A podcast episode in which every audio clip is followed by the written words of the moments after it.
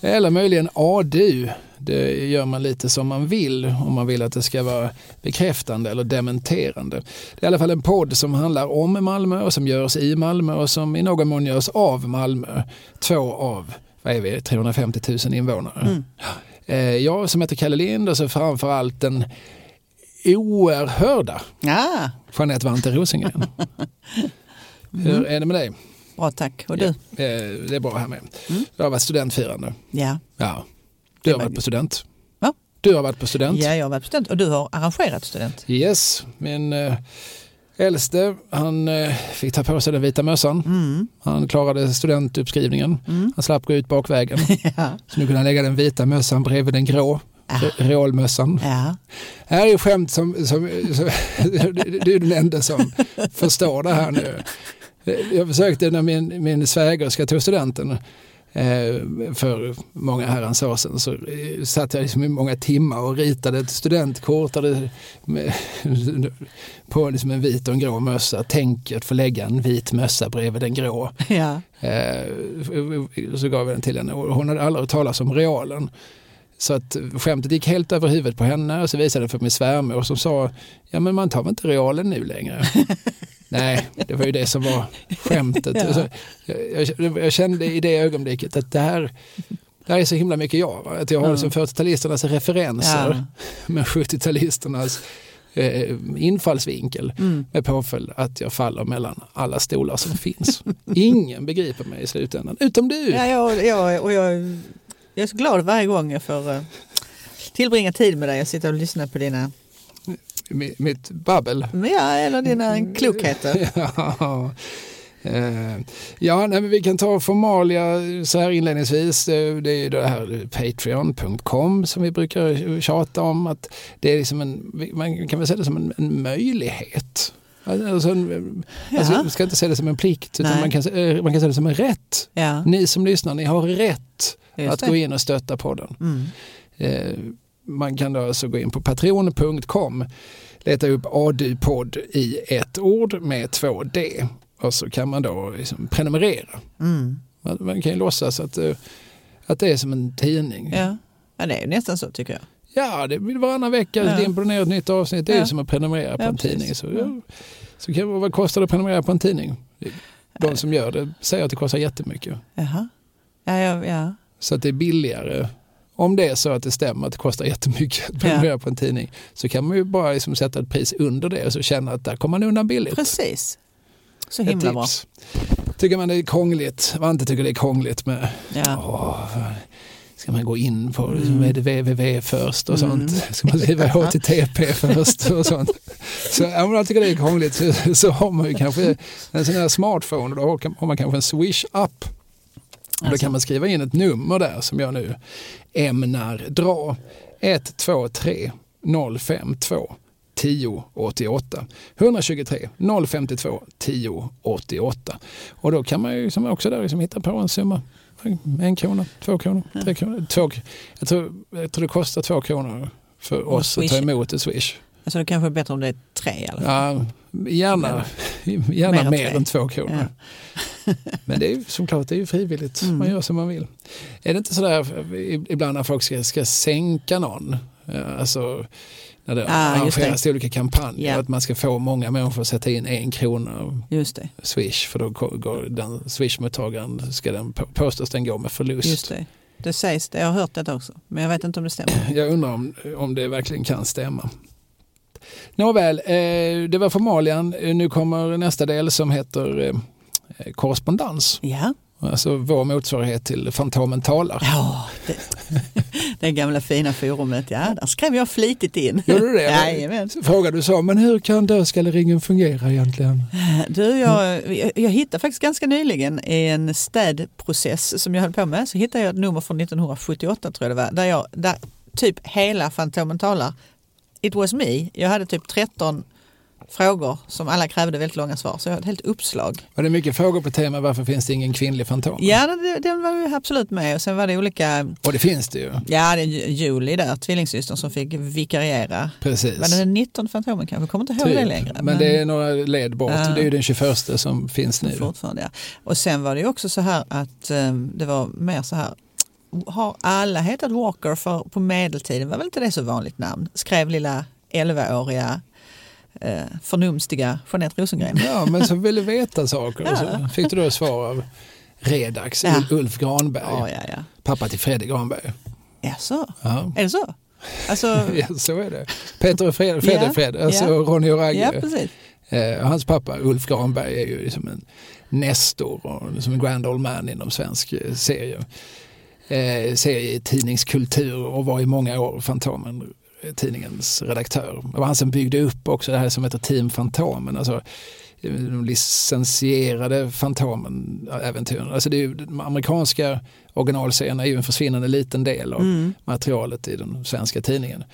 I Sverige gavs ju Fantomen ut varannan vecka Ja. och i USA så kanske det gjordes tre avsnitt per år som gick då som dagsstrippar respektive söndagsäventyr. Mm. Eh, Så det behövdes en massa friskt blod och de äventyren var ju mycket, mycket bättre. Alltså de som ritades och tecknades. Inte alltid i Sverige men Mm. med Sverige som beställare. Mm. Med Ulf Granberg Ja. specifikt som beställare. Eh, och sen så gjorde hans son eh, Dr Mugg och, och, så här, och det kändes som att eh, det var inget föräldrauppror i, i det fallet utan det var bara att fortsätta på den inslagna vägen. Ja, just det. Nåväl, eh, det hade inte, varför, varför tog vi upp detta? Jo, för att Fantomen talar hette alltså insändarsidan i Fantomen. I 91 mot väggen hette den i 91-tidningen. Mhm. Där blev jag publicerad en gång eh, när jag var 14 år gammal och det numret hittade Niklas Orenius, Ja. Malmöbaserad journalist, när han låg i sin sommarstuga här om sommaren och bläddrade i gamla nummer och skickade till mig. Och apropå förnumstig, Ja. alltså något lillgamlare än den insändaren med, de, de, de försynta påpekandena.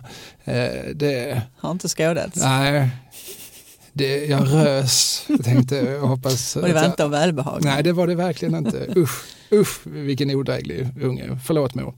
Eh, jo, korrespondensen här kommer från Christer Hansson. Honom känner du? Ja, ja, vi gick ju i samma klass 1974.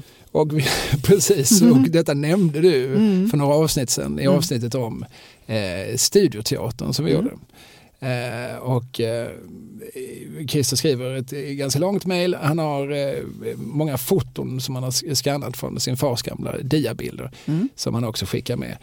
Eh, men han eh, kommer bland annat in på, han dessutom tyder allting på att han är lite släktforskare. Det kan du relatera till. Mm.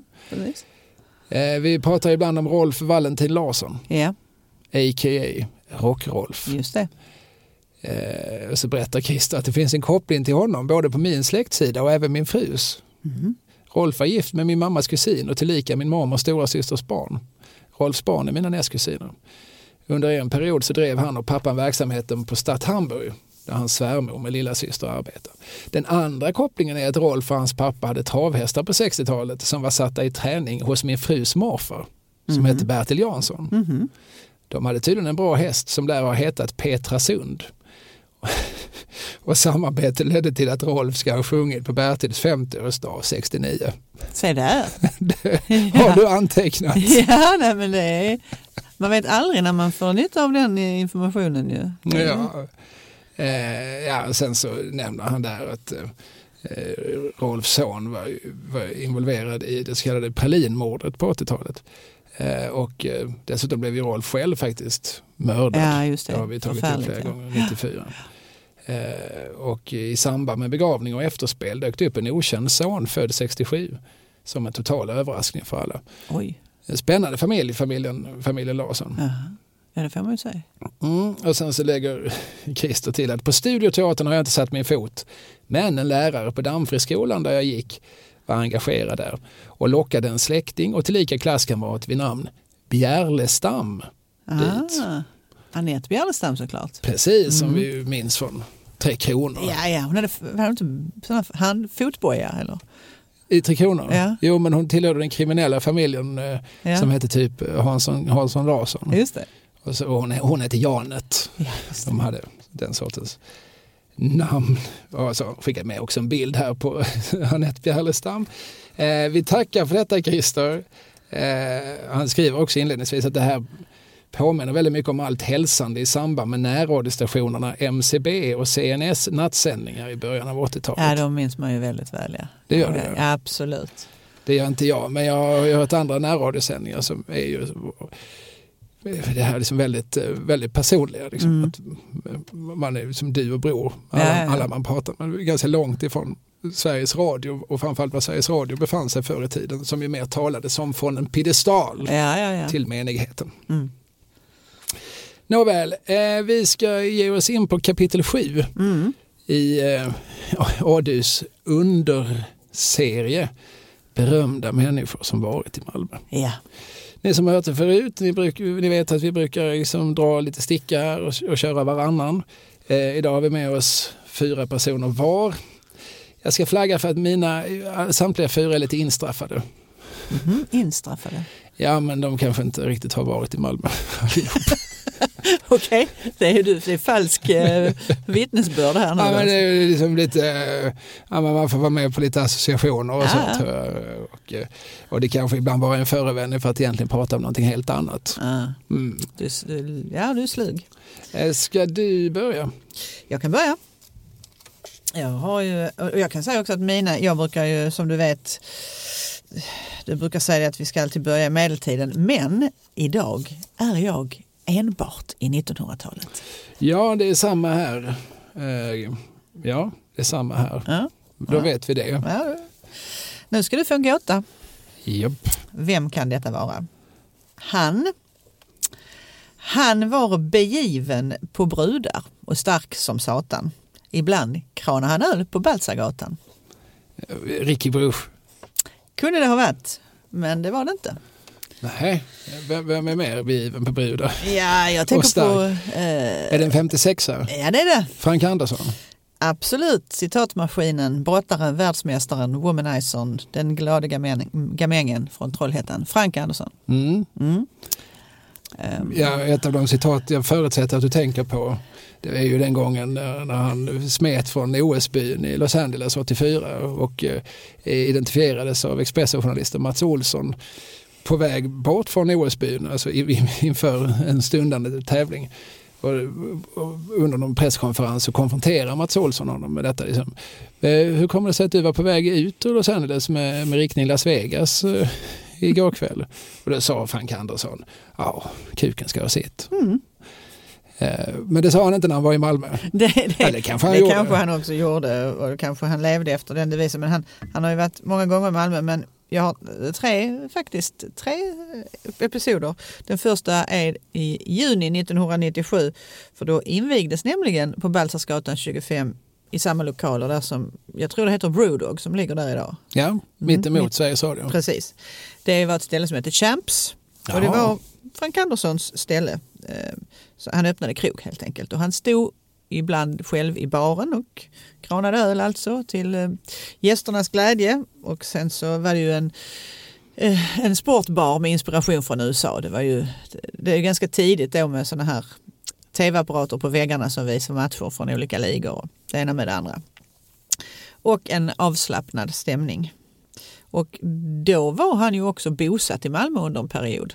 När Ja. han drev det här. Bland annat i Kronprinsen och han bodde också tillsammans med en av sina många kvinnor eh, på en annan adress. Ja. Som en annan adress. Alltså, jag kan faktiskt inte komma ihåg just nu. diffust för att vara du. ja, Var bodde han? Han bodde någonstans. ja, jag, jag vet inte riktigt exakt men eh, ja, Kronprinsen vet jag att han, där har han bott i alla fall. Frank Andersson var väl en figur på det hela taget. Alltså en rastlös själ som Mm. eh, eh, kanske aldrig riktigt fann frid eller ro. Eh, ibland så tillskrivs han, eh, alltså, eller han påstås vara den som införde plockgodiset i Sverige. Ja, det har jag också hört det där. Han hade väl någon eh, Franks Candy, hette det inte det? Ja precis, åtminstone var han en ganska tidig agent. Alltså det är någon gång i mitten av 80-talet. Mm. För det här är såklart reglerat eftersom det är i Sverige. Mm. Alltså fram till dess så får man inte lov att ha lösgodis Nej. liggande av förmodligen av någon sorts förmenta hygienskäl. Då, Mm. utan det är därför alla vi 60-70-talister har de här minnena från vår barndoms kiosker där man stod och sa för 25 öre salt Mm. och för 50 öre sött. Just det. Och så, och så Mm. de. Det krävdes ju lite huvudräkning av de här tanterna som Ja. stod på andra sidan rutan. Men Frank Andersson var i alla fall tidig med att på något vis vara inblandad i eh, lö- lösgodis-boomen Ja, i precis. 80-talets mitt. Ja, men han, han hade väl generellt olika... eh, Han, han var, startade väl diverse olika bolag under sitt liv Mm. eh, i olika genrer. Han var ju också väldigt engagerad inom hästsportvärlden, alltså trav, ägde hästar som tävlade och sådär. Det hänger ofta ihop med rastlöshet. Ja, Även Bosse Widerberg var ju väldigt Ja. engagerad i travhästar. Just det, just Eller det. Jag, jag vet inte om de travade just, kanske var galopphästar men, men han var jag tror att han de sista 20 åren försörjde sig mer på det än på sitt filmskapande. Mm, mm. Och rastlöshet, Frank Andersson fick ju faktiskt eh, i vuxen ålder diagnos ADHD. Så Mm. att eh, det kan ju säkert hänga ihop. Men, Det hade förmodligen även Bosse Widerberg fått ja, om man hade gått till en psykare. just det. Eh, men nu tänkte jag också berätta om en annan gång Frank Andersson var i Malmö.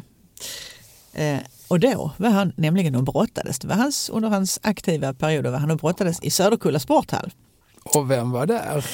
Nej, inte jag. Vem var inte, vem var inte där? Nej, jag var inte där. Många andra, nämligen eh, ja, diverse skol och klasskamrater var där. Detta är någon gång 78-79.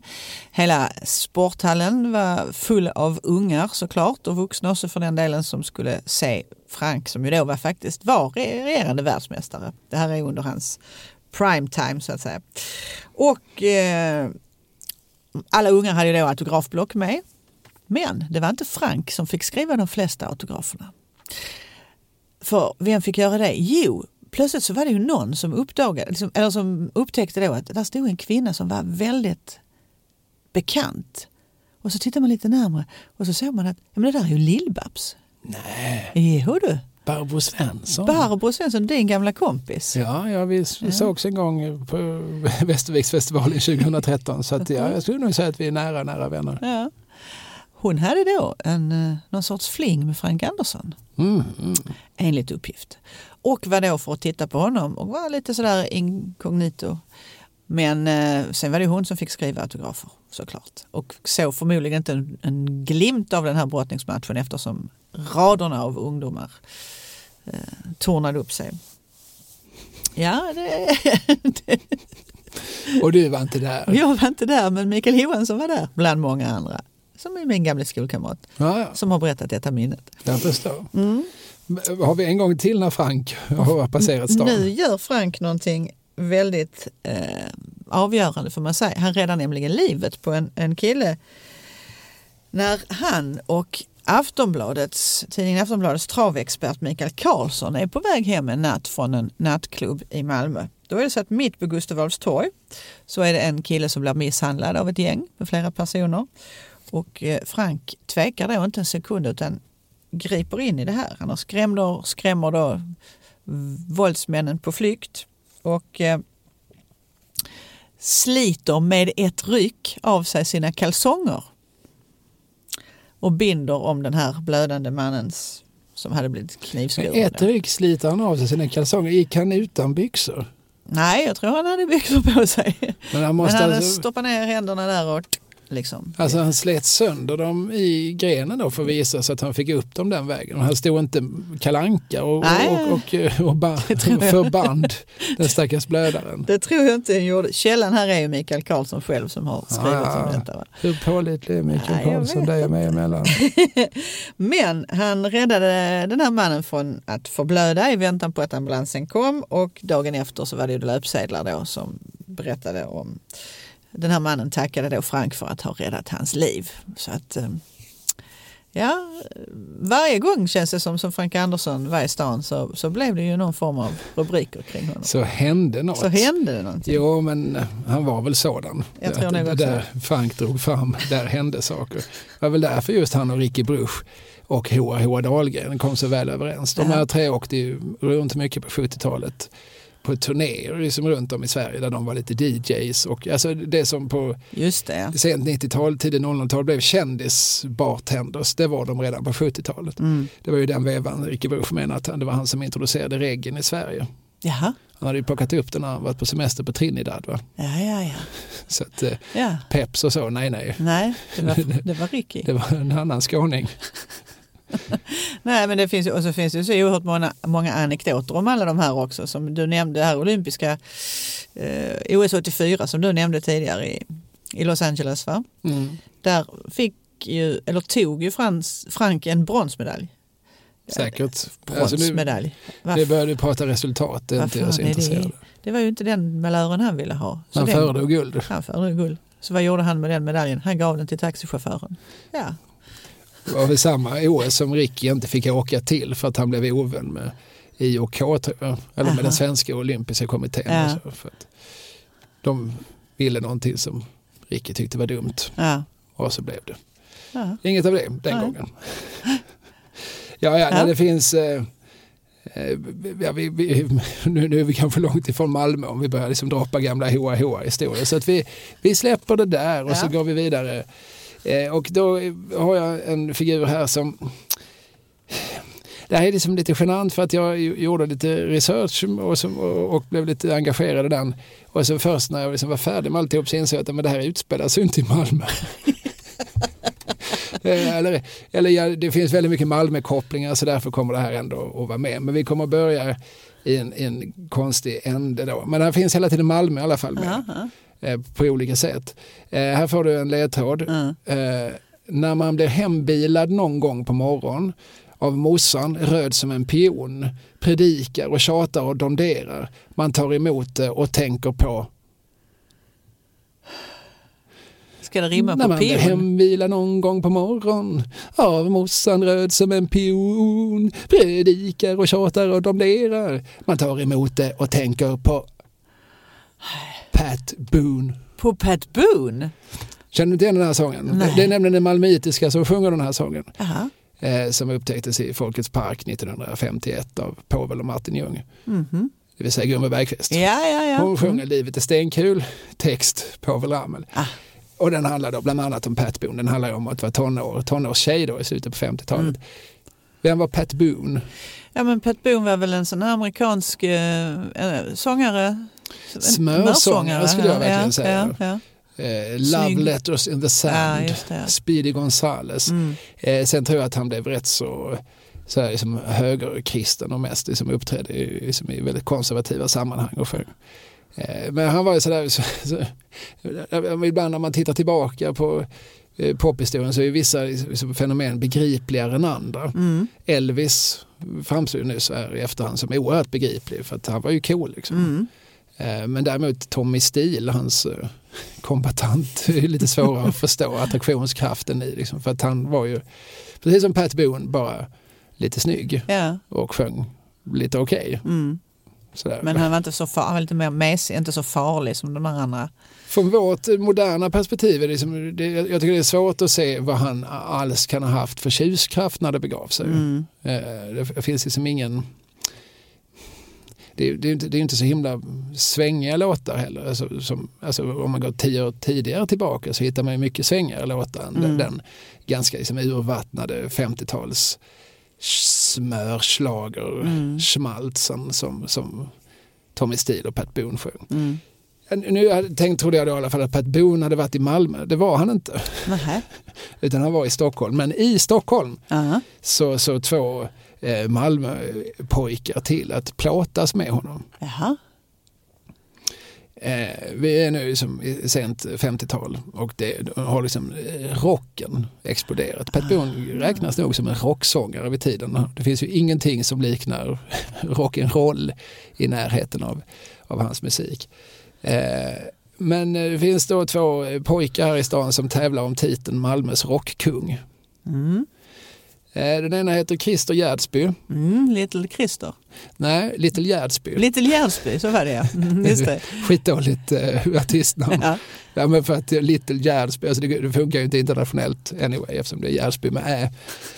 Eh, och mot honom stod då Jan-Olof Olsson, Mhm. a.k.a. Rock-Ola. Ah, Rock-Ola. Mm. Rock-Ola känner du till. Ja. Och det finns en, eh, en biografi om Rock-Ola som Mm. Sven Lindström, eh, rockjournalist med mera, har skrivit som är väldigt läsvärd. Mm. Den heter Han sitter där nere mellan Clapton och Hendrix. ja, den titeln är fantastisk. Den kom för tio år sedan. Och, Ja. eh, Rock-Ola är då alltså en, eh, en Malmöpåg född tidigt 40-tal någon gång som eh, också i likhet med Frank Andersson drivs av någon sorts rastlöshet. Han vill inte sin pappa, Sten Sture hette hans pappa för övrigt, han vill inte ha hans liksom, trygga liv, Nej. må- måndag till fredag liv.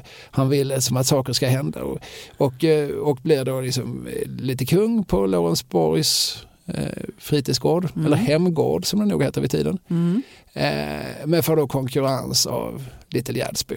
Mm. Han inser att Little Gärdsby sjunger lite bättre än han.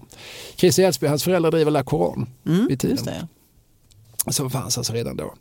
Och istället för att, för att Rock-Ola inser att nej, jag har inte rösten. Jag har möjligtvis energin. Det, det är nog till och med så att han har gjort lite framgångar på scen som, som Rock-Ola och har så pass stora att han faktiskt har liksom lockats till en skivstudio. Och där visade det sig att eh, rösten inte riktigt Mm. håller hela vägen fram. Det kan man liksom fejka på scen Mm. med utspel och Just energi. det. Just det. Det funkar inte lika bra i en studio. Nej. Så han inser att eh, nej, vi konkurrerar inte utan vi gör så här istället. Jag blir inte Sveriges yngsta rockkung, jag blir Sveriges yngsta rockmanager Just det. och tar sig an Little Gärdsbys karriär. Eh, och tar sig då liksom, t- bland annat till Stockholm och till just Knäpp upp. Jaha. Så där fanns ju som, det är många kopplingar här. Mm. Jag börjar med att citera en, en sång av Povel Ramel som givetvis då hans bolag Knäpp upp gav ut på skivan. Eh, Knäpp upp var ju liksom ett nöjesbolag där Povel var den ena direktören, den kreativa direktören och sen så fanns det en som höll på mer med pengar. Han hette Felix Alvo. Mm. Och Knäpp upp gjorde ju massa saker bortanför liksom Povels tältrevyer och de drev ju en teater som hette Ideon-teatern i Stockholm. Och, de var också eh, jukeboximportörer. Mhm. Jag tror att eh, en betydande del av deras förmögenhet kom in den vägen för jag undrar om de inte till och med hade någon sorts monopol på det under en period. Och framförallt så de ju till att fylla de jukeboxarna med väldigt många knäppa upp-skivor. Eftersom de också hade skivbolag. Ja, ja, ja. Och i egenskap av skivbolagsdirektör så letade Felix Alvor efter svenska rockstjärnor. Mm. För att rocken var otroligt het här i 50-talets slut. Mm. Det fanns liksom Rock-Olga och Little Gerhard och Mm. den rockande samen Ja. och andra bisarra fenomen. eh, och eh, Rock-Ola ser till att få audiens hos Felix Alvor och lyckas på något vis liksom uppbåda ett intresse så att Little Gärdsby flygs upp från Malmö. Eh, eh, Som jag, jag, jag tror han har med sig någon sorts mm, la- lackskiva eller så här, som han spelar upp och, och berättar om att här finns en ung, en ung begåvning. och Knäpp upp tror på denna Little Gärdsby. Dock byter de eh, artistnamn på honom. Så vad fick han heta? Christer Gitarr Jaha, Christer Gitarr, ja, ja, ja. ansågs Det är vara pragmatiskt. Little Gärdsby. Och de spelar in en EP. Han sjunger två låtar på engelska och två Edvard Persson-låtar eftersom han ju trots allt är skåning. Ja. Efter vad jag förstår så ges den här EPn aldrig ut. Och exakt vad som händer med den, det, det är lite dunkel för mig. Jag har läst här på ett par olika ställen om den. Eh, Men vad de däremot hinner göra under den här liksom korta vistelsen de har i Stockholm, eh, den Little Gärdsby och, eh, och den väldigt förslagne blivande rockmanagern Rock-Ola, det är att se till att eh, bli plåtade ihop med Pat Boone som råkar vara på turné. Så att han, alltså, och det, det finns en, en, en bok som heter Skånes rockhistoria Mm. av Magnus Gerten och Bengt Eriksson. eh, Där jag har hämtat vissa uppgifter ifrån. Och, och, och, och eh, de, de beskriver det som att de har till och med hittat en recension av den här skivan. Som alltså aldrig gavs ut. Det är ju hemskt Så att- imponerande. Ja, han, som sagt, han var framåt den är Rock-Ola. Han har lyckats liksom, få en journalist lindad runt fingret för att recensera en platta som i praktiken alltså aldrig ens gavs ut. Eh, och han såg också till att eh, pl- plåta eh, bli plåtad, eller låta plåta Little Gatsby jämte Pat Boone. I rent PR-trick naturligtvis för att det Precis. skulle framstå som att de var kamrater. Mm. Mm.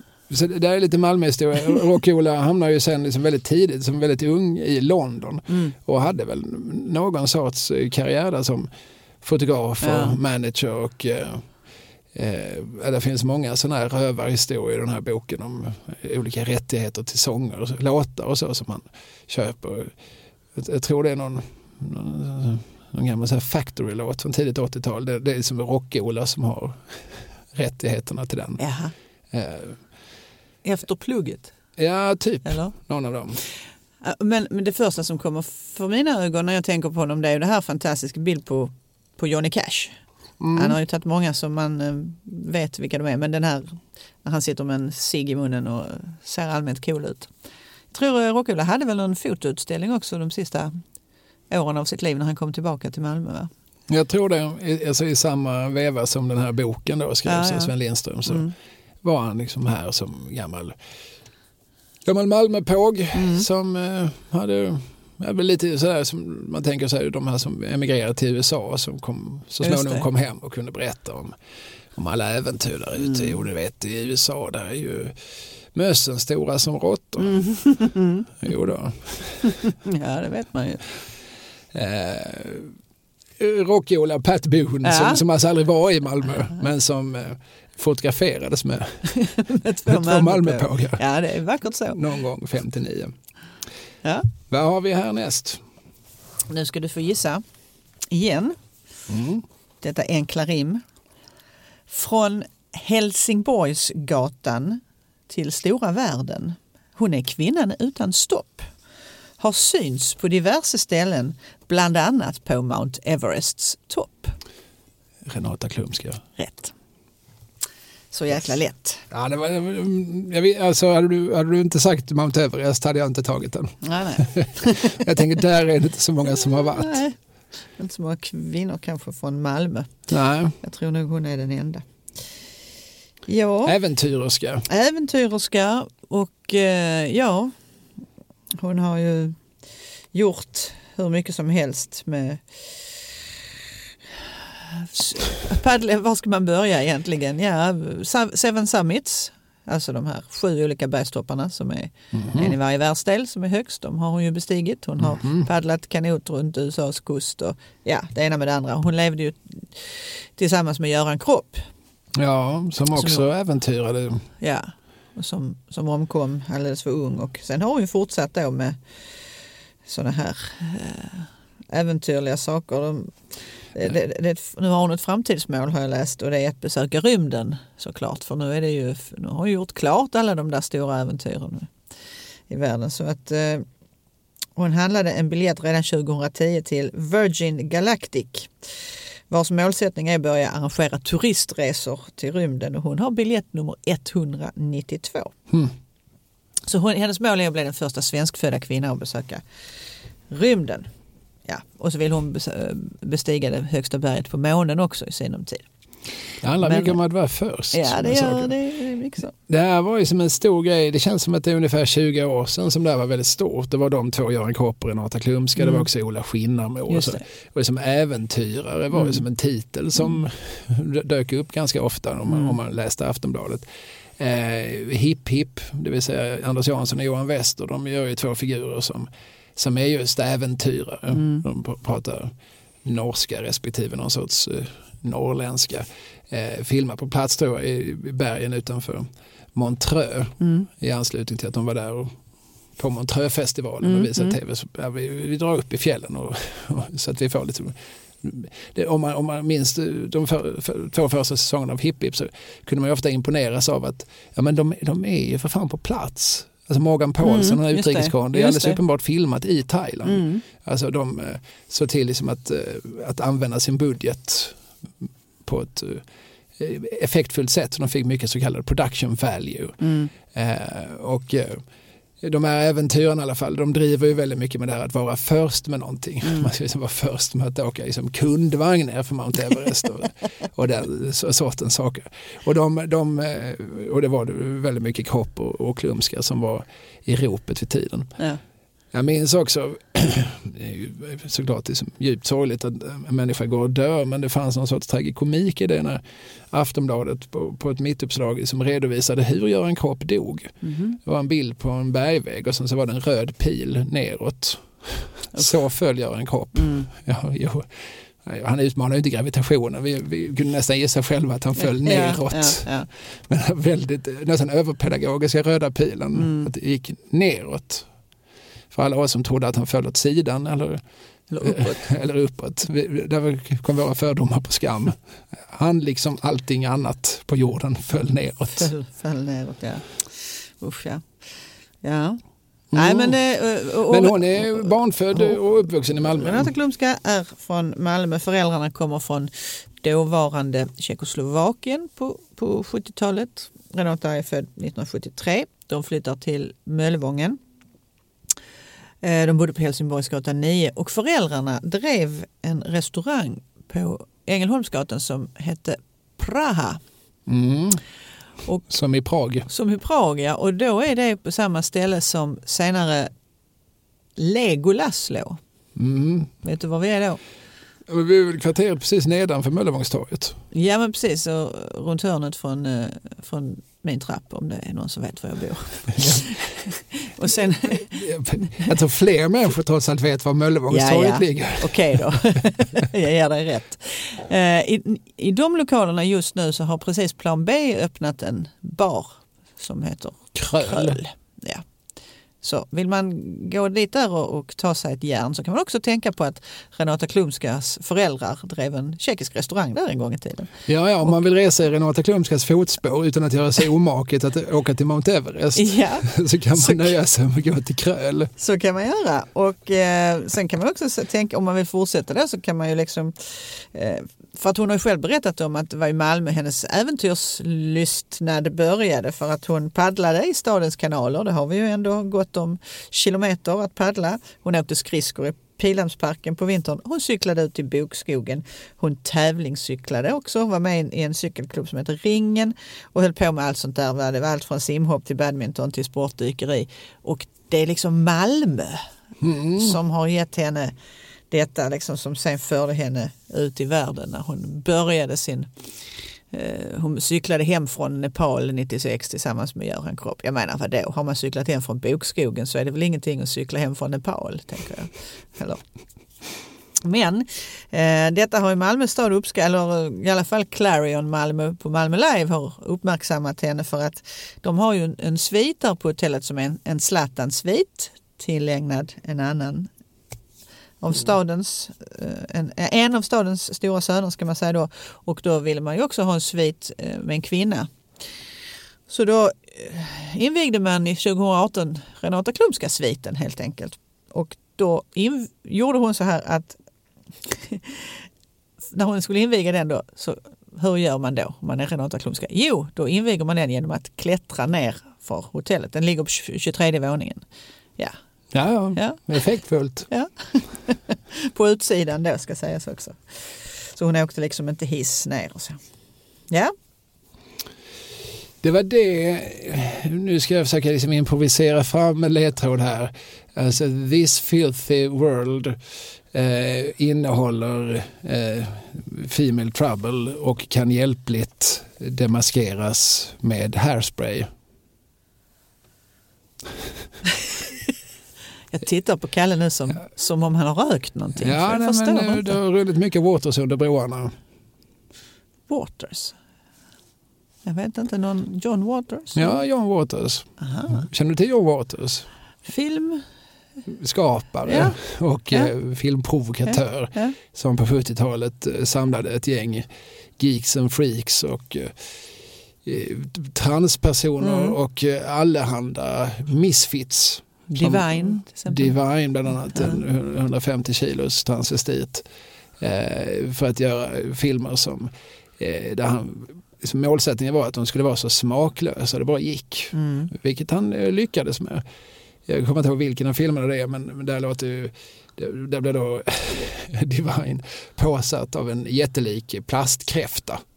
Mm, är det där han äter hundbajs också? Nej, det är det är nog? Pink Flamingos. Men, men där man ser att det, alltså, det lämnar ju hunden och vi ser fortfarande ångan innan Ja. Divine stoppar i munnen. Mm. Och, eh, och eh, om det då kanske är i Female Trouble som, eh, som Divine blir eh, våldtagen av sig själv. Det vill säga han spelar både kvinnan och mannen i akten. Mm. Eh, Det var sånt som John Waters sysselsatte sig med på 70-talet. Mm. Eh, och sen så gjorde han eh, som en musikal får man väl kalla det som heter Hairspray. Som är mycket Mm. så här, eh, som tack i 50-talsmusik som så småningom blev en, en Broadway-musikal och som sen också har satts upp i Sverige med Rolf Lassgård i Divines roll. Mm. Eh, som, alltså där Rolf Lassgård alltså spelar kvinna. Mm. För det är ju grejen, Divine spelar ju aldrig transvestit utan spelar ju kvinna Mm. i alla John Waters filmer. Mm. Han dog så småningom alldeles för ung. i- Förmodligen relaterat till någon sorts ohälsosamt leverne. Mm. Jag vet inte exakt vilken, vilken del av det ohälsosamma levernet som till slut tog henne. John Waters är en otroligt fascinerande man Mm. och han var här 2009. Jag såg honom. Jaså? Han var på Palladium Jaha. och höll sitt, eh, eh, sin spoken word föreställning This Filthy World. Ah, det var därför du började så ja. Ja, som, eh, är, alltså han, han är som en, eh, en, en, en ståuppkomiker som klass 1. Fruktansvärt rolig och, och fruktansvärt många eh, liksom helt bisarra anekdoter från sitt tämligen bisarra liv. Mm. Eh, och, och när, de senaste åren har jag inte gjort så mycket film, det finns inte så mycket pengar att göra i film längre. Det fanns ju inte på 70-talet heller, men, men eh, inte, inte om man var John Waters och ville göra den sortens film. Men de där har med tiden fått vinga. Jag har ju varit alltså, i Castro-kvarteren i San Francisco på en liten kvartersbiograf där och sett eh, in Trouble en gång. Det var ju en stor upplevelse ja. att sitta omgärdad av, av the, the, det riktiga folket Ja, såklart. som, som jublade åt saker som, aha det här ska man jubla åt och spänn. Undrar vad det här betyder. Alltså det är ju väldigt gay-kodat, det är väldigt queer-kodat Mm. allting. Otroligt intressant. Jag tyckte de där var roliga, så jag älskar John Waters som, som, som ung för att det var så, det var så punkigt. Det var så, alltså, de, de, de klipper liksom könen av varandra och könen börjar leva. Och liksom allt, all, allting är liksom äckligt och bisarrt. Ja, men, men samtidigt med, hela tiden med väldigt tydligt leende. Mm. Eh, väldigt mycket sånt där annat som är som provokativt och eh, som ofta är som väldigt mörkt och mycket rakblad och Mm. mycket heroin och så. Men, och det, det finns det här också men hela tiden med någon sorts, det är, som, eh, det är lite på skoj. Ja, vi, vi har lite roligt. Ja. Mm. Eh, så, och John Waters var här och det var inte så, om jag minns rätt så fick de lite grann skärma av Palladium för att det kom inte så många människor som man hade hoppats på. Och, så. Och jag tror att jag fick en gratisbiljett. Varför fick jag det? Jag, jag kände väl någon som kände någon. Mm. Eh, och det var en publik som bestod av vad kan som 60 bögar och Ja. 39% nördar. Eller 40, jag, jag får nog också, jag tänkte att den sista procenten var jag, men jag kanske måste räknas till. Nördarnas rike också. Men min fru var med också, hon var den sista procenten. Ja, just det. Hon var ingetdera. Nej, precis. Så hon var i absolut minoritet kan man säga. Eh, och han, eh, han berättade då bland annat att han ägnar ganska mycket tid och har han gjort eh, under 2000-talet att åka- runt och, hälsa på dödsdömda fångar. Jaha. Han är som en, eh, väldigt svuren motståndare mot, mot dödsstraff. Så han liksom åker runt och någonstans eh, liksom, träffar dem och pratar med dem och ser dem öga mot öga. Och så berättar han att de tycker oftast att han är en sjuk jävel. Alltså. ja, berättar han stolt. ja, men han, är, han är känd för sådana där citat som om du tar hem någon, eller om du, följer med någon hem och han inte har några böcker, don't fuck them. Alltså, liksom, bete dig som, alltså bejaka liksom, all din konstighet, all din weirdness Mm. och, och, liksom, och din freakiness och så, men ha- håll för fan lite intellektuell höjd. Just det. Eh, det jag, jag, tycker han är- behövs lite fler sådana personer kanske man kan tycka. jag är väldigt svag för John Waters, Mm. har som sagt alltid varit det. Han, han, han är liksom, i this filthy world Ja. så framstår den här sjuka jäveln som den kanske klokaste av oss alla. Ja. Han lever fortfarande va? Ja, det gör han. Mm. Men eh, jag tror han helt har pensionerat sig från filmskapandet. Skriver numera böcker som är roliga och som handlar såklart om hans liv då. Framförallt i Baltimore där han nog fortfarande har ett av sina hem. Mhm. Eh, och han har sett stora delar av världen, men han har bland annat sett Malmö. Jag minns att han, han, han, han, berättade, så jag köpte, köpte en DVD som hette just This Filthy World och som insåg att han- han- det var, jag har åkt runt och sagt exakt samma saker med samma betoningar, samma inandningar. Så, som, ibland kan det bli en besvikelse, man vet ju att det är så, så gör ju ståuppkomiker också. Alltså det är det här som är grejen, det är det här som är akten. Mm. Men, men eh, eh, inledningsvis när han var här så pratade han lite grann om Knottby Mhm. och Christy Broad. Det var då, ja just det. Ja, och det, just det gav lite här och nu-känsla. Mm. Nu står det som en snubbe från Baltimore och är lite exalterad för han har talat om att ni, ni har liksom en helt bisarr sekt här Mm. i Sverige. Jag, jag har kommit rätt. Mm, just det. jag, jag, är, eh, jag, jag känner mig hemma. Ja, det var ingenting som han körde på, på andra orter Nej, det var väl så det- de, kanske tre första minuterna de var, de var liksom för oss här och nu. Mm. Sen var resten innan till läxan. Men det Mm. var en rolig innan till läxa. Ja, det skulle man ju väl vara med. Ja, 2009 var detta som han var här. Mm. Vem har du härnäst att nämna bland berömda människor som varit i Malmö? Mm. Då lyder gåtan enligt följande. Han ägnade mycket tid åt bönder och kung. Men minst lika många timmar åt Mao Zedong. Ja, jag vet att man säger Mao Zedong numera, men det hade inte rimmat. Nej, jag förstår. Så jag gick tillbaka till det gamla. Men det var någon en gammal maoist som spelar schack. Mm. Är det så? Ja, Har, har jag knäckt eh, någonting där? det är, du är helt på helt rätt spår. Men vad har vi för gamla schackspelande maoister? Alltså Hasse Alfredson spelar väldigt gärna schack men han var ju inte maoist. Nej. Jan Myrdal var ju maoist men jag vet inte om han spelar schack. Och framförallt var de i Malmö. Ja, nej, men Hasse vet jag var Ja. och det tror jag Myrdal också, han var några gånger. Men, eh, mm, mm, Ja, det, här, det här är en, en oerhört eh, mytomspunnen schackspelare. Han var norskfödd, han hette Rolf Martens. ja, honom hade jag inte knäckt. Eh, han eh, var född 42 och dog 2008. Och han, han, ehm, han spelade ett enda senior-SM som han, han vann det också, detta 1967. Sen försvann han i princip från, från tävlingarna. Men han fortsatte då fascinera människor över hela världen för att han hade sådär iögonfallande schackanalyser. Detta är tydligen en genre och just öppningar i schack är tydligen en, en subkultur som jag då inte riktigt Ja, nej, men Förstår. så, jag, jag, jag kan reglerna i schack Ja. men jag har liksom aldrig förstått hur man vinner. Nej men jag är också på jag den förstår nivån. hur pjäserna rör sig. Ja. Men jag, just det här med olika, olika öppningar eh, som, som anses vara briljanta. eh, Det, det, det, det har inte jag liksom intellektuell förmåga att förstå. Varför, varför var det briljantare att gå ut med, med, med, med bonde E2 till Ja. E4 än att E2 till E3? Jag fattar inte. Nej men jag jag är eh, precis där du är. Jag fattar inte heller det liksom så. Men, eh, men olika stormästare i hela världen eh, lärde sig hans öppningar och använde sig dem själv i sitt eget schackspelande.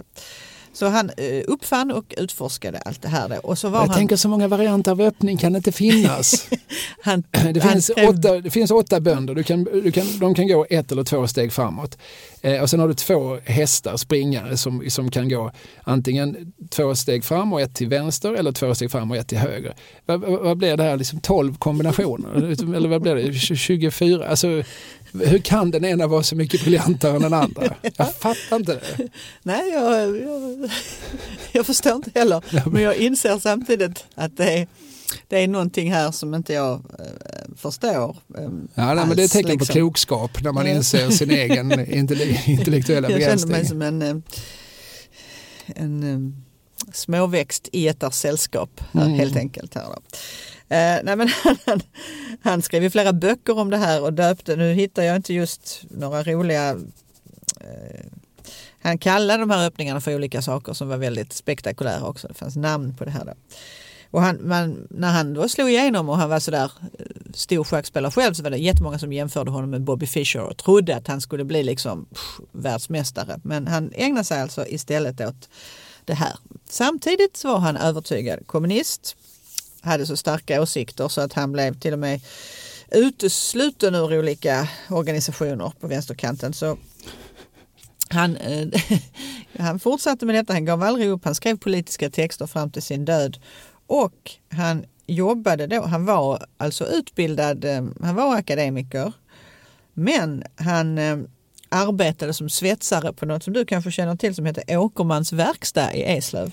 Ja, det är klart jag känner till Åkermans. Ja, det. Ja, och, alltså, jämte, alltså, efter Felix var jag Åkermans den stora arbetsgivaren när jag växte upp. De, Ah. de, alltså, det, det, jag tror det fortfarande idag kan se grävmaskiner som det står Åkermans på sidan på. Aha. Det var en av de stora tillverkarna av, av olika lastare, fronthjulslastare eller vad det kan tänkas heta. På mitt gymnasium hade vi fortfarande, jag tog studenten 94, då fanns det ju dels en livsmedelslinje som ju i princip var liksom Felix-linjen. Ja, ja, ja. Så man, kom, Och sen fanns en verkstadslinje som var i princip Åkermanslinjen. ja, så man fick jobb där direkt efter. efter man, Ja, jag tror du fick det redan under utbildningen. Fick du nog lite jobb. mm. Eh, och sen lades de ner någon gång på 90-talet och det var ju en tragedi. Det var ju kanske inte helt jämförbart med Kockums här men nästintill. Ja, jag förstår. Och där, där jobbar han då. Han, eh, hans grundfilosofi var ju nämligen den att människan ska bidra till samhället via arbete. Och så hade han då en, en egen, lite udda variant av maoism som han under de sista 30 åren av sitt liv eh, utvecklade genom att skriva olika texter och han hade en egen tidskrift som hette Unite som han gav ut med jämna mellanrum. Fast i takt med att han blev äldre så blev han mer och mer udda, eller han gav luft till mer och mer udda eh, åsikter kan man säga. Bland annat så hävdade han att aids, det, det finns inte.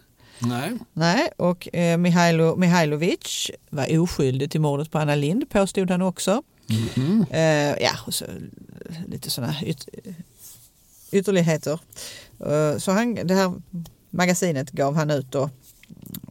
Det är inte alltid liksom olika intelligenser hänger ihop. Nej, det blev väldigt tydligt när man läser om honom. Och det kom en, en bok om honom bara för något år sedan tror jag. Eh, En bok om den här märkliga mannen och Lunds akademiska schackklubb har nu en minnesfond fond i, i Rolf Martens namn. Han dog 2008, eh, 66 år gammal.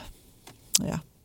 Ligger begravd på Limhamns kyrkogård. Han bodde på Nobelvägen i väldigt många år. Kan man ju, kan man, på hörnan där mot, eh, vad blir det, Helsingborgsgatan kanske. Mhm, Om man nu vill Alltså, gå titta på.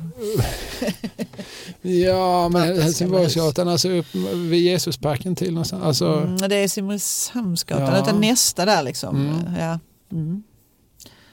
ja, han bodde på flera olika ställen i Malmö men han, han bodde i sin ungdom faktiskt på lite så här finare adresser om man ska säga, på Limhamns där. Men sen så de sista 25-30 åren så bodde han på Nobelvägen. ja, ja. Mm. Det, jag känner inte till den här mannens existens. Men jag känner att eh, det retar mig lite att jag missar honom. Ja. Ehm, För vi har varit mer eller mindre grannar. Ja, det, så är det ju. Axel Smith, nu letar jag efter namnet på mannen som har skrivit om honom. Det är också en schackspelare som har skrivit den här biografin över Rolf Martens. Ja, Jag förstår.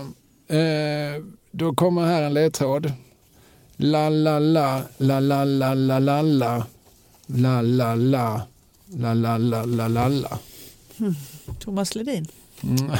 Nej, det hade varit na-na-na, na-na-na-na-na.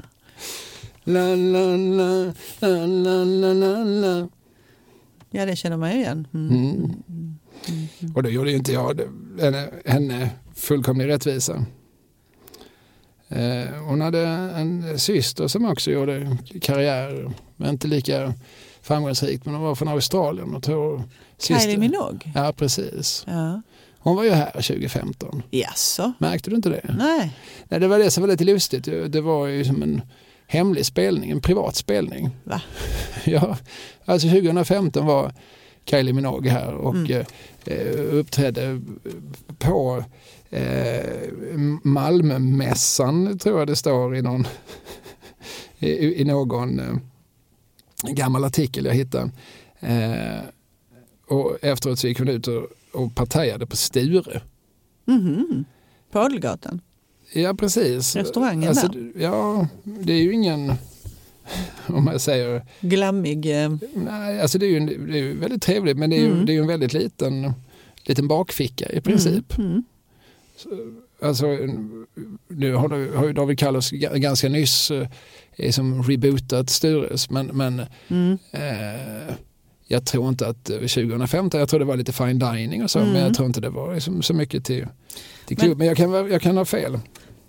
Men hon var en hemlig spelning, var det bara för eh, vissa särskilda då? Den var oerhört hemlig. Kvällsposten eh, försökte få tag på henne och eh, eh, skriver så här. När Kvällsposten frågar henne vad hon gör i Skåne svarar hon hemlighetsfullt. Men vi, alltså, okej, får vi ett citat? Nej, nej, det är bara liksom ett referat. Det var hemlig, hemlighetsfullt. Eh, Men hon eh, uppträdde för, någon form av danskt företag Jaha. efter vad jag förstår. Eh, Men man kan nog fortfarande hitta på Stures Facebook-sida citatet Underbara ödmjuka Kylie Minogue var åt biff hos oss ikväll. Vi älskar Kylie. Kylie älskar Sture. Det sista vet jag inte om, om de hade verkligen täckning för men de tänkte att hon kommer inte att, att dubbelkolla den här svenskspråkiga. Facebook-sidan. Google Translate. Men hon uppträdde alltså på ett danskt försäkringsbolags personalfest Mhm. på Malmömässan. Jaha. Alltså det danska försäkringsbolaget Trygg. Trygg, ja just det. Ja. Mm. Och sjöng då bland annat den här sången som jag citerar, Can't get you off my head. Ja, ja. Ja, jag, jag, jag minns det här att eh, jag, jag jobbar på, på Sveriges Radio då. Så, här, ska, ska vi täcka det här på något sätt? Eller ja, vet vi att det stämmer? Liksom, det var liksom verkligen, alla visste att Kylie var i stan men ingen visste varför. Eh, Och många visste att, eller hade på känn eller hade hört att det är en spelning men ingen hade sett någon affisch eller så utan det var alltså en helt privat tillställning. Det var lite grann som när Klasse Möllberg kommer och uppträder på en firmafest. Ska vi, men vi har väl lite mer. Ja, precis. Vi har lite mer i i personalkassan i år. Ska, nu har några klasser varit här 12 år i rad.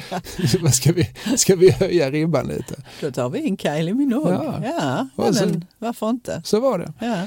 Och sen åt hon då biff på Sture. Alltså, ja, det är intressant det där man tänker med tjej. För jag- häromdagen var jag och lyssnade på Patti Smith. Va? Mm. Och då berättade hon att hon under dagen, det var en väldigt solig fin dag, så hade hon varit ute och velat gå in i någon fyr som inte var öppen för den. Va? Och då tror jag inte att detta var i Malmö, utan jag gissar att hon har varit nere på, ja, hon hade varit Sydkusten på stranden. någonstans. Ja, alltså Skanör, Falsterbo kanske. Mm. Men eh, hon berättade också om att hon hade varit och ätit en lunch med den bästa lax hon hade ätit i hela sitt liv. Tror du människan säger var det var? Nej. Så nu måste man ju göra likadant. Man måste gå till alla hemsidor på alla restauranger och se var har. Precis som Kylie. som Vem skriver biff. vi älskar Patty, Ja. Patty älskar oss? Vem skriver det? Ja. Mm. Ja, ja. Men var såg du henne? På Slakthuset. Ja, Mm. Eller- Rad ett. för det slänger Platser i mitten.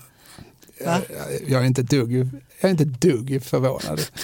Eh, men då kan vi slänga in henne också på den här listan, ju berömda människor som varit i Malmö. Patti Ja. Smith var ju här. Ja, det var hon ju. Ja. Absolut. Mm.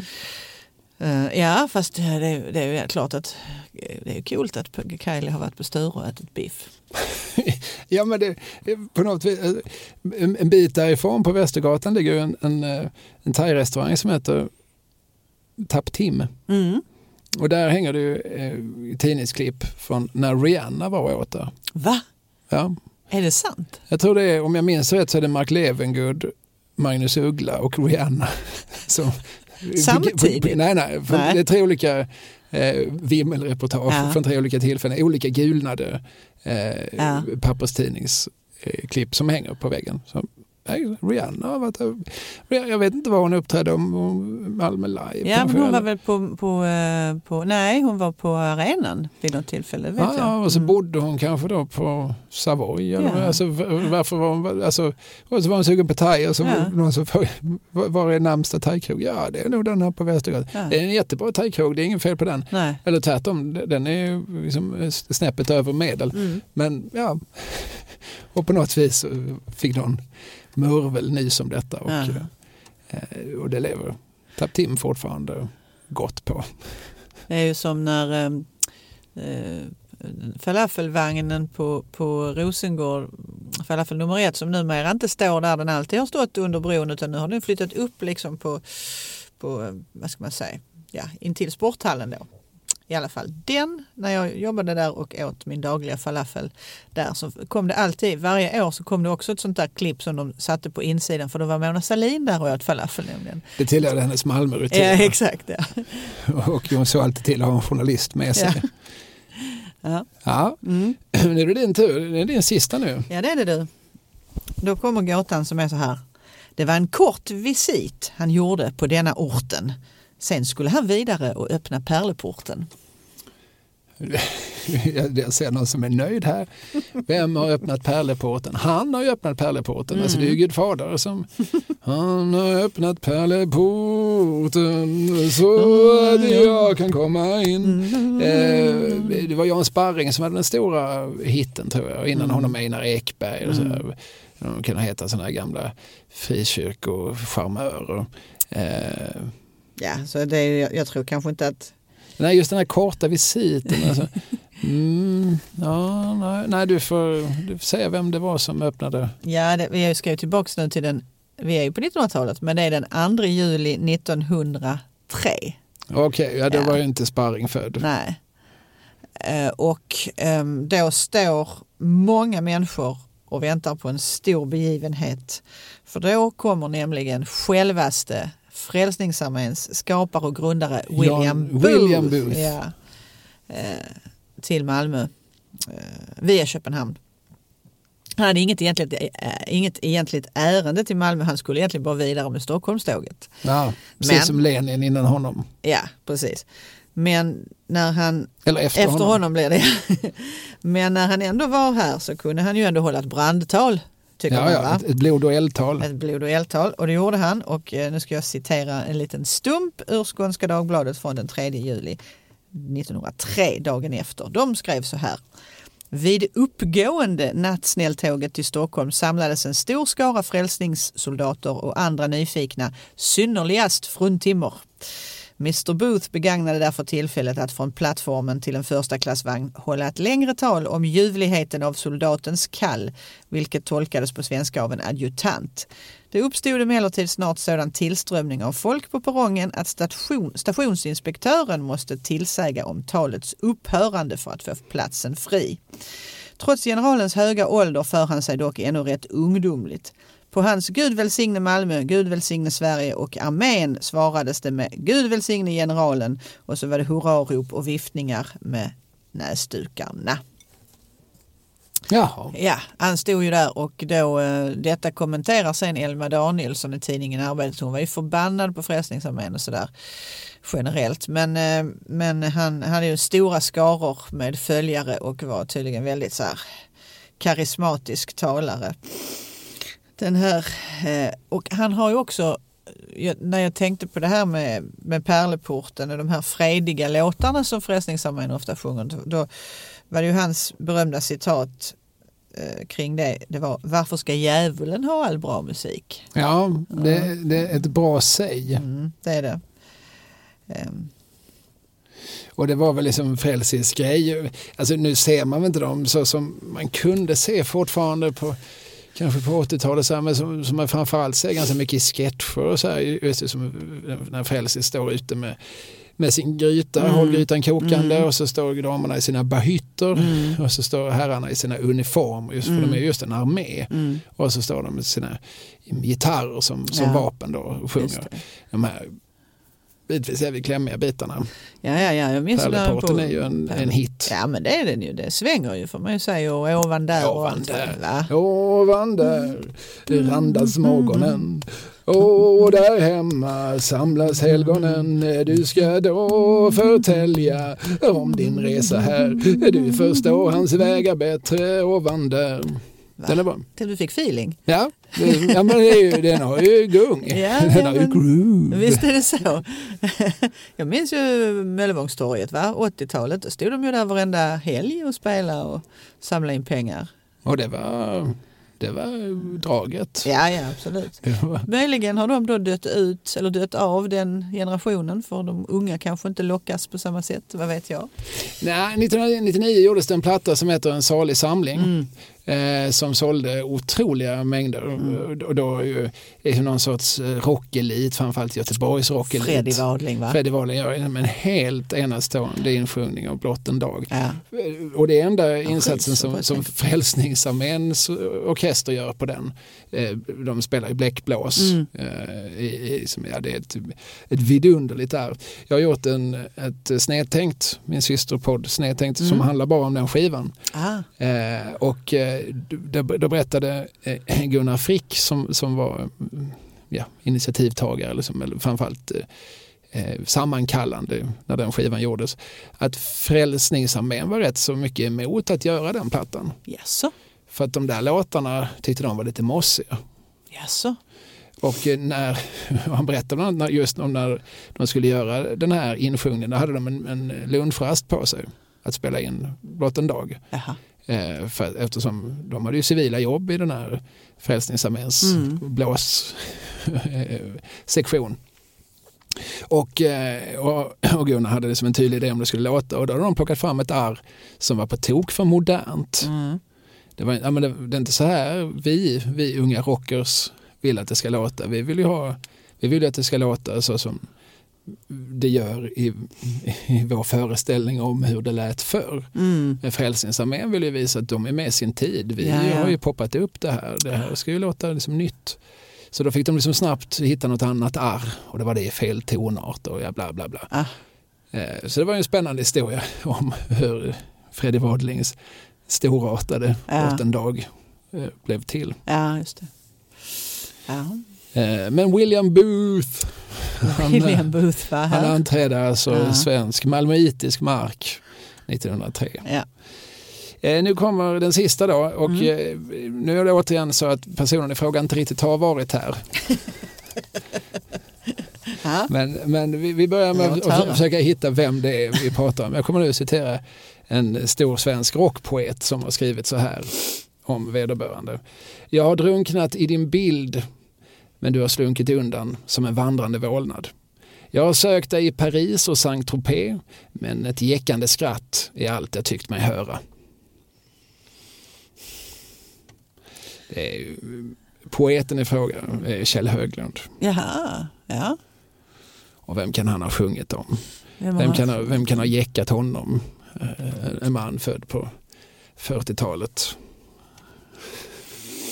som har drunknat i hennes bil. Eh, ja, det är, om man inte känner igen texten så kan det ju vara vem som helst.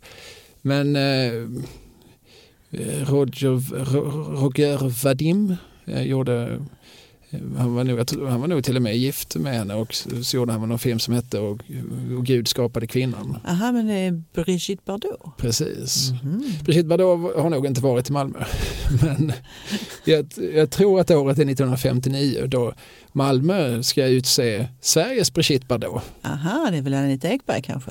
Nej, då är hon redan, då är hon redan lämnat det, just både, det, både liksom, i USA. Malmö, ja precis, då ja. har hon liksom passerat Italien ja. på sin resa mot stjärnorna. Ja.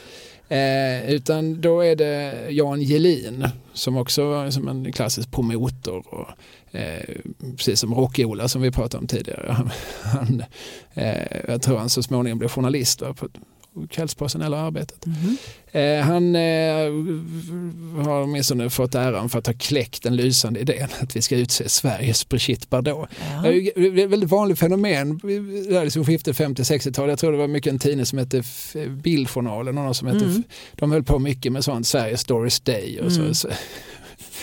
Man skulle, som var Lill-Babs var väl liksom någonstans liksom sin generations Babs där av namnet. Och så här, så man, man skulle alltid liksom sätta folk i relation till någon annan. Ja, just det.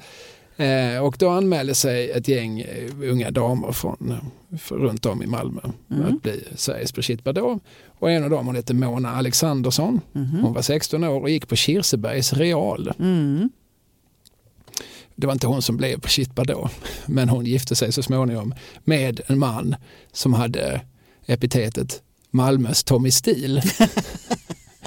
och han, han heter Jan Seilitz Ah, Och då blev Mona alltså Mona. Alexandersson Mona Seidlitz. Ja, ja. Eh, Men det var hennes, hennes första stund i rampljuset. Det var när hon tävlade om att bli Sveriges Brigitte Bardot. Ja, ja, ja, ja. Det, sen, sen Mona Seidlitz är ju kanske, börjar väl bli en smula bortglömd men hon är ju för dig och mig väldigt mycket förknippad med all form av liksom 80-tals light entertainment. Mm. Det fanns ju som inte ett sketchprogram, inte en familjekomedi, inte ett eh, liksom Lennart Swahn låter kändisar babbla i mun på varann program som hon inte var med i. Nej, men precis. Och hon var väl ofta lite vampig sådär va? Och, eh, ja, snygg och eh, flörtig. Hon blev väl lite stämplad som det. Mm. eh, Så, så, och, så, och med tiden också kanske liksom så lite, lite lätt bedagad. Mm. En, en, en vamp med som, som kanske inte är liksom fullt så het nu som hon, var, som hon har varit. Mm. Åtminstone fick hon spela den sortens roller Mm. Eh, i väldigt hög grad. Hon var ju sen på 70-talet för övrigt ihop med Bill Örström som ju sedermera fick barn med Lisa Ekdahl. just det ja. ja. Eh, Batterist, är inte det? Eller? Ja, ja, precis. Jag vet att han främst har spelat en jävla massa kongas. Mm. Han står ofta på kongas, krediterad på Mm. olika skivor. Men han var ju en sån där, han startade den psykedeliska klubben Philips i Stockholm 67. Mhm. Där Jimi Hendrix brukar jamma när han var i stan. Eh, Han, han var en, eh, apropå de här människorna med, som drivs av en viss sorts rastlöshet. Mm. Där har du Bille Örström med det gänget. Mm. Eh, jämte Renata Klumska och Rock-Ola och Frank Andersson. Just det. Det var ett litet tematiskt avsnitt får man säga. Ja, men det, vi, vi har, vi har åtminstone nämnt olika människor som man kanske så här i efterhand vill sätta en liten, liten ADHD-stämpel på. Mm. Och detta är, lägger vi inga värderingar utan tvärtom. Jag älskar alla de här människorna som får saker att hända. Absolut. Men man fascineras ibland av deras framfart. Nu, gör, du, gör du det här nu? Jag, sist jag läste om det gjorde du någonting helt annat. Just det. som är, som är någon sorts rörelse. Men Mona Seidlitz, vi har nämnt henne som hastigast tror jag, i den här podden tidigare, men, Mm. men på tok för lite för att hon var ju Malmöbördig. Ja. Och på sin ålders höst, och jag tror inte hon blev så himla gammal Nej. för övrigt, men, men så flyttade hon ju tillbaka, om inte till Malmö så till Skåne och bodde väl i Vellinge kommun. Tror Bodde, bodde hon inte på um, Limhamnsvägen alldeles i Alltså det slutet? kanske hon till och med gjorde. Ja, då kom hon till och med tillbaka till, till hemkommunen. Mm. Eh, och jag, vet, att hon hade, jag tror hon hade mycket utställningar i, Mm. för att hon började, hon återupptog tog, eller började måla. Eh, och eh, ja, mycket i Ljunghusen och, och eh, Falsterbo och så. Och rörde sig där Mm. hos societeten. Ja, ja, ja. ja. Ja, men ja, henne kan man inte prata för, för mycket om känns det som. Men. Nej, vad, vad, vad du säga? Vad har du för take? Vad har du för hot take på Mona Seilitz? Nej, men eh, ingen sådär speciell. Men jag minns ju verkligen som du sa, man kunde inte slå på tvn utan att eh, nog fasen var Mona där. Ja, nej, men alltså det viss är period. 80-tal då jag blev medveten om världen. och Då blev jag också i samma veva kanske ännu mer medveten om underhållningsvärlden. Mm. Jag tittade ju väldigt mycket på tv och läste från unga år nöjessidorna i arbetet och sådär. Mm. Så att, jag, tror Mona, jag, jag kan liksom inte minnas en tid när jag inte visste vem Mona Seilitz var. Hon var ju med redan i första Jönssonligan-filmen, Varning för Jönssonligan 81. Mm. Och den var jag ju så på bio. Mm. Så att, äh, nu ljuger jag, hon var med i den andra. Det är Siw Malmkvist i den första och Mona Seilitz i Jönssonligan och Dynamit-Harry från 82.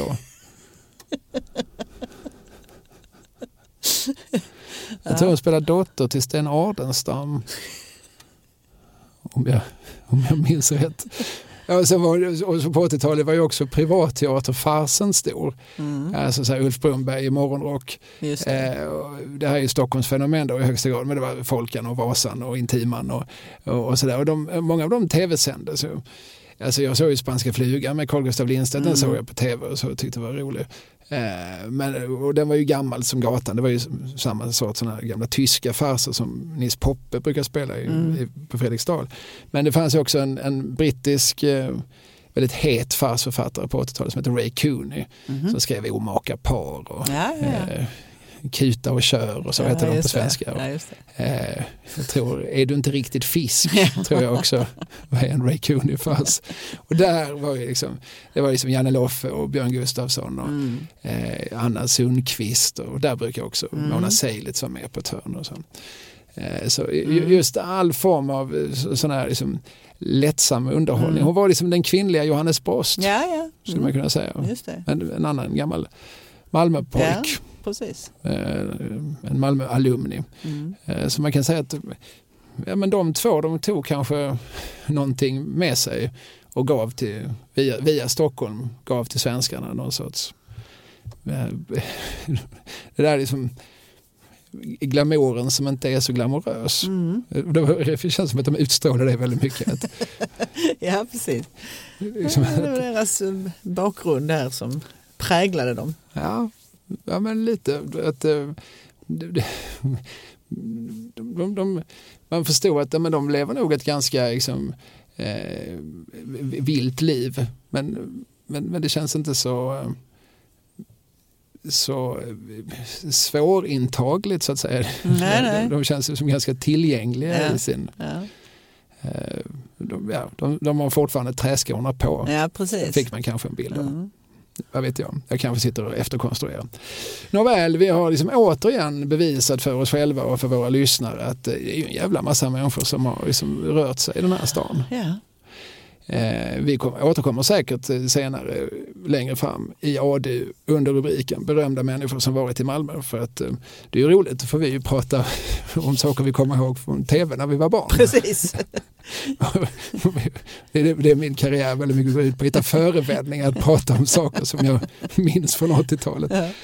Eh, men just nu tar vi kanske lite uppehåll Mm. eh, med den här podden. Däremot så påminner vi våra lyssnare och särskilt ni som, som ju faktiskt bor i Malmö. Jag förutsätter att de flesta av våra lyssnare trots allt, eh, om de inte bor, åtminstone har en, en, någon sorts koppling till stan.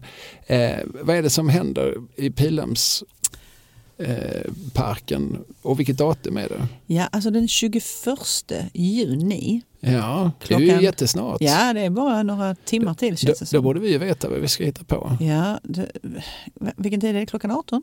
Eh, eller kanske 19 eller ja, det, ja, det, måste ju någon berätta för oss tänker jag. Ja, Jag är där eh, 1759 och, så,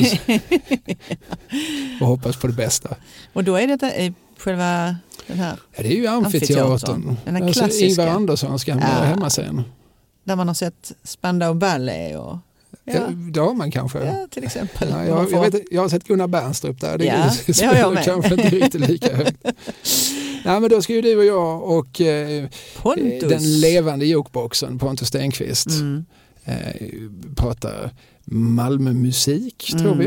Mm. Eh, Mal- Malmömusiker, Malmölåtar. På något vis, alltså, vi, vi kommer att prata jävligt mycket Malmö. Ja, det blir Malmö. Ja, det, det, det, så mycket vågar vi lova. Mm.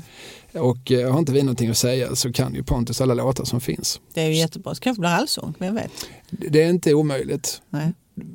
Tvärtom tror jag det är omöjligt att hindra. Så ta med lite mat och dryck och kom dit helt enkelt. Ja, köp någon, bara köp något. Sväng Ja. förbi någon butik och Ja. köp med något. Det är inte så Ja. jävla skitnödigt. Det är Malmö. Bara Fast liksom. Mid och livs på Färsens väg, en Ja. baguette och en, en cola. Va?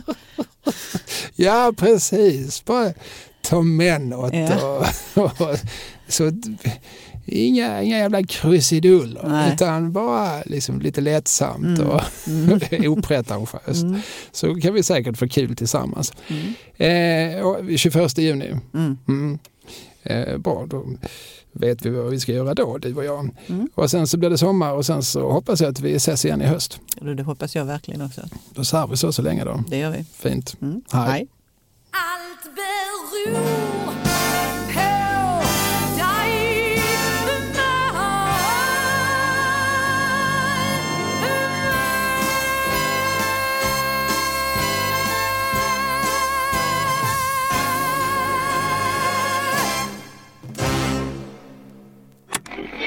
Programutsändningen presenterades av Kalle Lind, kulturarbete AB